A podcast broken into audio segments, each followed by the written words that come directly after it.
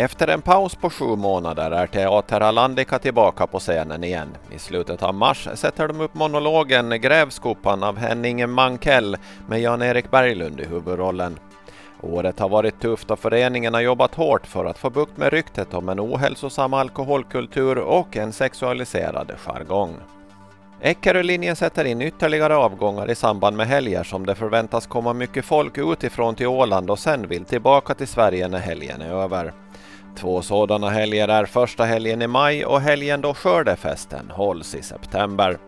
Första helgen i maj är det tre idrottsevenemang, innebandyturnering, trav och folkrace som lockar många deltagare från Sverige.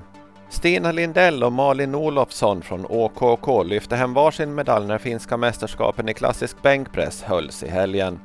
Stina Lindell vann 69 kilosklassen på 115,5 kilo, vilket var nytt finländskt rekord. Malin Olofsson lyfte hem ett silver i 84 kilosklassen med ett resultat på 90 kilo. Det här var Ålandsnytt på en minut med Ove Sjöblom.